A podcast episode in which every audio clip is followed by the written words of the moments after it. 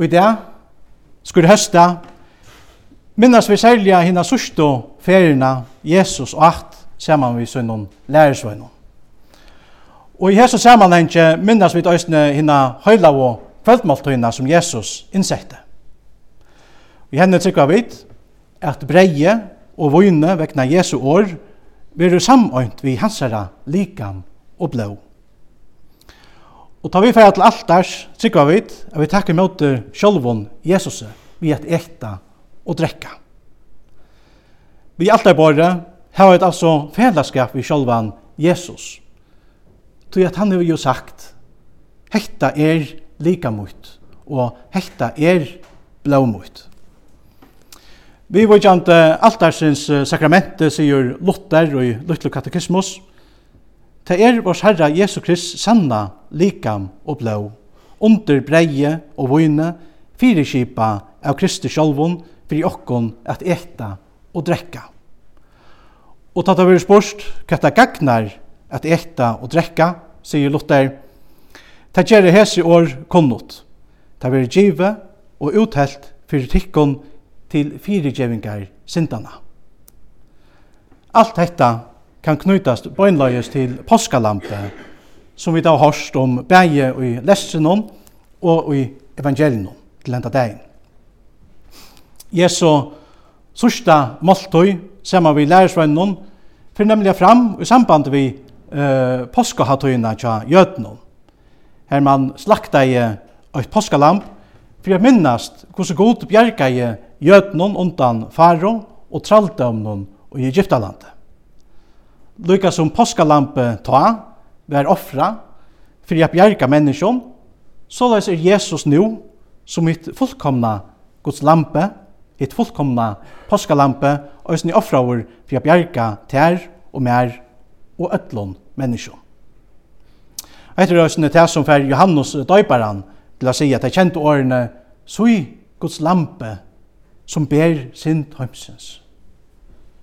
Så i Guds lampe.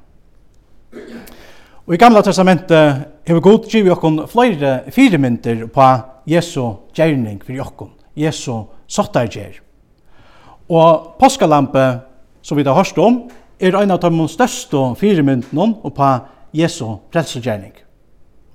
Og i dag er det tog jeg opplagt til okkon at uh, høyre sinter om Jesus som hitt sanna påskalampe. Men uh, Israels folk Mer i Tjaldom i Egyptalandet leser vi hvordan god vi Moses straffar hitt egyptiska fölkje og faro. Og Israels folk levde under sera hørun, korun og i Egyptalandet. Men god heie øyna atlan. God heie øyna frelso atlan. Vi Moses sendte god plavo, og man har plavo, iver Egyptaland. Men faro, han heilte sitt hjärsta og han ville ikke leta fölkje færa. At han har nutju plavor, sier god vi Moses, enn øyna plavo ville leta komme iver faro og Egyptaland. Og at han har hana, man han loiva tikkun affæra hian. Og hver var så hentan sørsta plavan? Jo, god han har sagt, og mi og natt ville genga mitt i kjøknun Egyptaland. Ta skulle atler frumborer i Egyptalandet tøyna løyve. God sier vi Moses at han og hans folk skulle slatra påskalampe, bort åren ta blei myst. Heretter skulle de tekka nekka blånen og smyrja ta av boar dora stavnar og dora treie ut av husen her som de åt lampe. Hesen davren skulle vera porsker herrans. God har sagt, blåu skal vera tekkun tekken av av husen som tid er roi. Og ta er suttje blåe, skal du fære omtikkon. Ta er suttje blåe, skal du fære omtikkon. Amie natt fattel plavan iver Faro og Egyptaland. Hun fattel iver kvart hus som ikkje heie blåe som sutt tekjen. Men her som blåe vera suttja, her vidja i plavan ikkje. Tei blei loppen om. Lukka som påskalampe var slatra, og blåu tja påskalampen var frelsotekjen fyrir Ísers folk, så laus er Jesus òsne slaktraur, og hans blå er frelsotekjen fyrir öll teg som tryggva av ham. Etter øysene teg som så klart kommer fram og i, og i altartallene her i kyrkina, i funninje. Ta god heldur døma det, ta vera teg som tryggva av Jesus, frelst vegna blåu som var uthelt av krossen.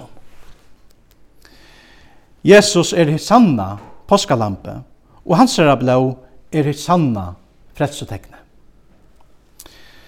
Vi leser at Israels folk fikk på om at teka seg åtte lamp fyrir kvørst hus. Hver familia hei bruk fyrir øynun lampe. Og lykka som tei, heva to og e, òsne bruk fyrir øynun lampe. Vi tar bruk fyrir Guds lampe. Øyne og kvar av okkon må takke med til Jesse som sønnen herra og frelsere. Det at åttan han og åttan hans herra blå finst ønsken frelsa. Det stender at paskalampen skulle være lytalest. Og etter en mynd på Jesu rattvise. Petter han sier til dømes øyne stedene, «Tu er Kristus løy øyne i øyne fer, fyrir syndare, øyne rattviser, fyrir órættvísar. Fyrir at han kunde løye okkom fram til gods. Altså ein rættvísar fyrir órættvísar. Jesus han er i sanna påskalampe. Han er lydaleisur. Han er hilt i alla Guds lov. Det som vi ikke mekna. Hever han hilt det. Og tess vekna er han òsne utan synd. Og tog kan han òsne koma syndaron til hjelpar. Han som er utan synd kan koma syndaron til hjelpar. Og vi er og öll syndare, som det stendt skriva i bøyplene, løn syndaren er i deie. Men ta Jesus døye i okkara sted, vann han okkon evigt loiv. Jesaja sier da østene profeterer om Jesus, men han var særtur vara syndavekna og sundur bråten vara miskjeravekna. Okkon til friar kom refsingen nira han og av saren hans, hans fingervid hølsebøt. Ísers folk fekk bo om at tekka avblåunon tja påskalampen og smyrja ta av boar dora stavnar og dora trei ut av husnon her som de auto lampe. Det skulle være et tekjen mittlum fölkje og god. Og øyn og kvør som var inne, altså øyn og kvør som var inne i øyn huse, her blåe var smurst av dora staven, var frelstur. Øyn og kvør. Frelstur fra Guds røye. En her frasøknen lyser sera klost tan frelsande måtten og Jesu blåe. Og vi trykker Jesus, så har vi, så å si òsne smurst Jesu blå av okkara hjertans dora stav. Så la oss være vi frelst fra Guds døme over alla sind. Om vi tar blåe, så har vi òsne løyve og naina, Frelsene de som tryggva Jesus, heva, som det stendt skriva i oppenberingsene, tvige klægesynne, og gjørst deg kvitt i blåe lamsens. Kostnavren for at frelse okkon var Jesu egna blå. Så vi er jo ometalige dorskjøpt, utrolige dorskjøpt. Etter som Dietrich Bonhoeffer sier det ene stedet, Dyr er nægen framom alt, til at hun er vir, hun er vir dyr fyrir god, til hun er kosta sånne gods løyve. Så nekv skulle til for å bjerge okkom, men det gjør det god, til at han, han elskar kvenn øynstekkan av okkom. Okkara øynasta bjergjen kviler altså i Jesu dyra bæra blaue. Etla som vi plia sinja, det var kvarsi gull, etla silvor, men blåtutt og bjergeie mer. Nu er det altså avgjerande for okkom at hava Jesu blå som okkara frelsotekjen. Og ta fast bara vi trunne av Jesus som okkara frelsare. Ta fanns et fria sjål, bægje fyrir Ísers folk og Egyptar, nemlig blåe. Men alle fromborene som døy jo hessa nottena i Egyptalandet, døy jo til at de ikke vært å se vi blåe noen. Og så er det svært øyne av efter deg, av døma deg, til Jesu blå, som kommer at avgjøre alt for okken, som kommer at avgjøre okkara avmløyka. Jesu blå er okkara fria sjål fra Guds vrøye. Jesu blå er okkara fria sjål fra helvete. Jesu blå er okkara etgångt til himmelen. Ta i suttje blåe skal det være omtikkum, sier Gud. Og öll de som leita sær uh, sjálv, aftan fyrir lampsins blå, de var å bjerga. Lika mykje hver ein som vær, lika mykje hver luftsøvan som enn vær. De var bjerga i. Om man heier frelsetekne, så fikk han nøsne nøye og bjerging. God han har givet okkon et frelsetekjen, nemlig Jesu egna blå.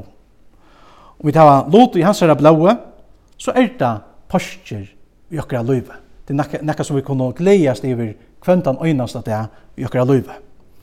Det er at postur mersker nemlig hekta at færa om. At færa om. Vi trunner at Jesus er vi nu stad, og Jesus sæl og støvo, er god han fer om okkon vi sunne vrøye. Han løyper okkon om. Og vekna Jesu blå, vitjer han okkon nu i stegin, vi sunne endaleis og nøye og sikning. Ta kunne vi sannelig halda postur kvenn det i okra løyve.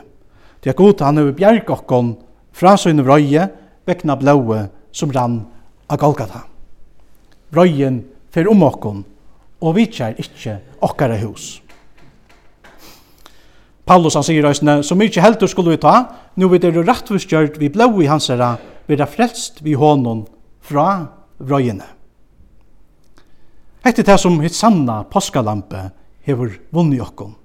Jesus han hever vunni okkom frivig god, rattvusgjerring, sottargjer, frelso, evigt liv. Det er så elskar jeg god til meg. Det er så elskar jeg god heimen, at han gav sånn sånn inn øynbarna til tess at øyn og kvør som tror han ikkje skal glætast, men heva evigt liv. God han har gjørst okkon og en frelse ved. Det tog det stendur om Jesus her han sier, «Jeg er vevren, sannløyken og livet. God han vi gjørst okkom og en frelse ved og i Jesus. Vi kunne ikke bjerke okkom sjolve. Alt okkara arbeid for at frelsa okkom sjolve, vi egnar meg, det er nyttelest. Vi kunne bare være bjerke i, vi tog bjerkjengene som god rattar okkom og Jesus og hans er blåa. Esa bjergjeng hava eit nu finnje vi til at god vær menneska God gjørtes menneska. Jesus var føddur inn i den her heimen for å frelsa til og med. Og som større kærløyga avgjørte han at vera okkara ombosmauer. Han tok avbyrdna fyrir okkara synder og av seg sjolvan. Og vi gjør sått vi god vi det, at Jesus han valgte å stilla seg i tøyn og mun sted. Han tok refsynsina som to og jeg høyde oppebore. av seg sjolvan. Alt tok han av seg sjolvan. Og tog kunne vite nå æsne tekka seg her årene til okkom. Her det stendur, om synder tekkar er som skarlak, kom der vera kvitar som jöll. Om der er reier som puspor, kom der vera kvitar som åll. Hetta er galdande fyrir te og me, det Jesus hevur a krossnon kasta allar okkara synder og i glemskunar hev. Etta som Salma skal det sier, som estre er fjærlagt fra vestre, så hever han fyrra miskjer varar fra okkom. Og etter eisne grunden til at vi tøyra Jesus råpa av krossen, som vi tøyra suttja av alt er tallene, det er fullgjørst. Det er fullgjørst, råper han. Han er Guds lampe, som ber sin tøymsens. Han var dripen, og vi blåa sunnen kjekti han gode menneskjo, av ötlun attergrøynun og tungmalun og tjauun og folkasløvun. Øysene til og med. Kjepte han, vi sunn blåa. Vi har råpa, god moin, god moin, kvi fyrst og fra mer, bjerke han ter og mer fra, åren hon, færre borstu fra mer, banna og tid, og i en avia elden, som er atlaur djevnen og ønklon hans herra. Hette er han bjerke okkom fra. Og vi har råpa, god moin, god moin, kvi fyrst og fra mer, bjerke han ter og mer, til hese årene, hese valsikna av årene, kom i hier, tid valsikna valsiknave, tja færi møynon, og færi rujtje til i arv, som tikkun hever lia, fra tog at verölden var grunda. Nå er vevren inn i himmelen, åpen fyrir te og me. Det er Jesus, Guds lampe, et sanna påskalampe, røpte av krossen til fulltjørst.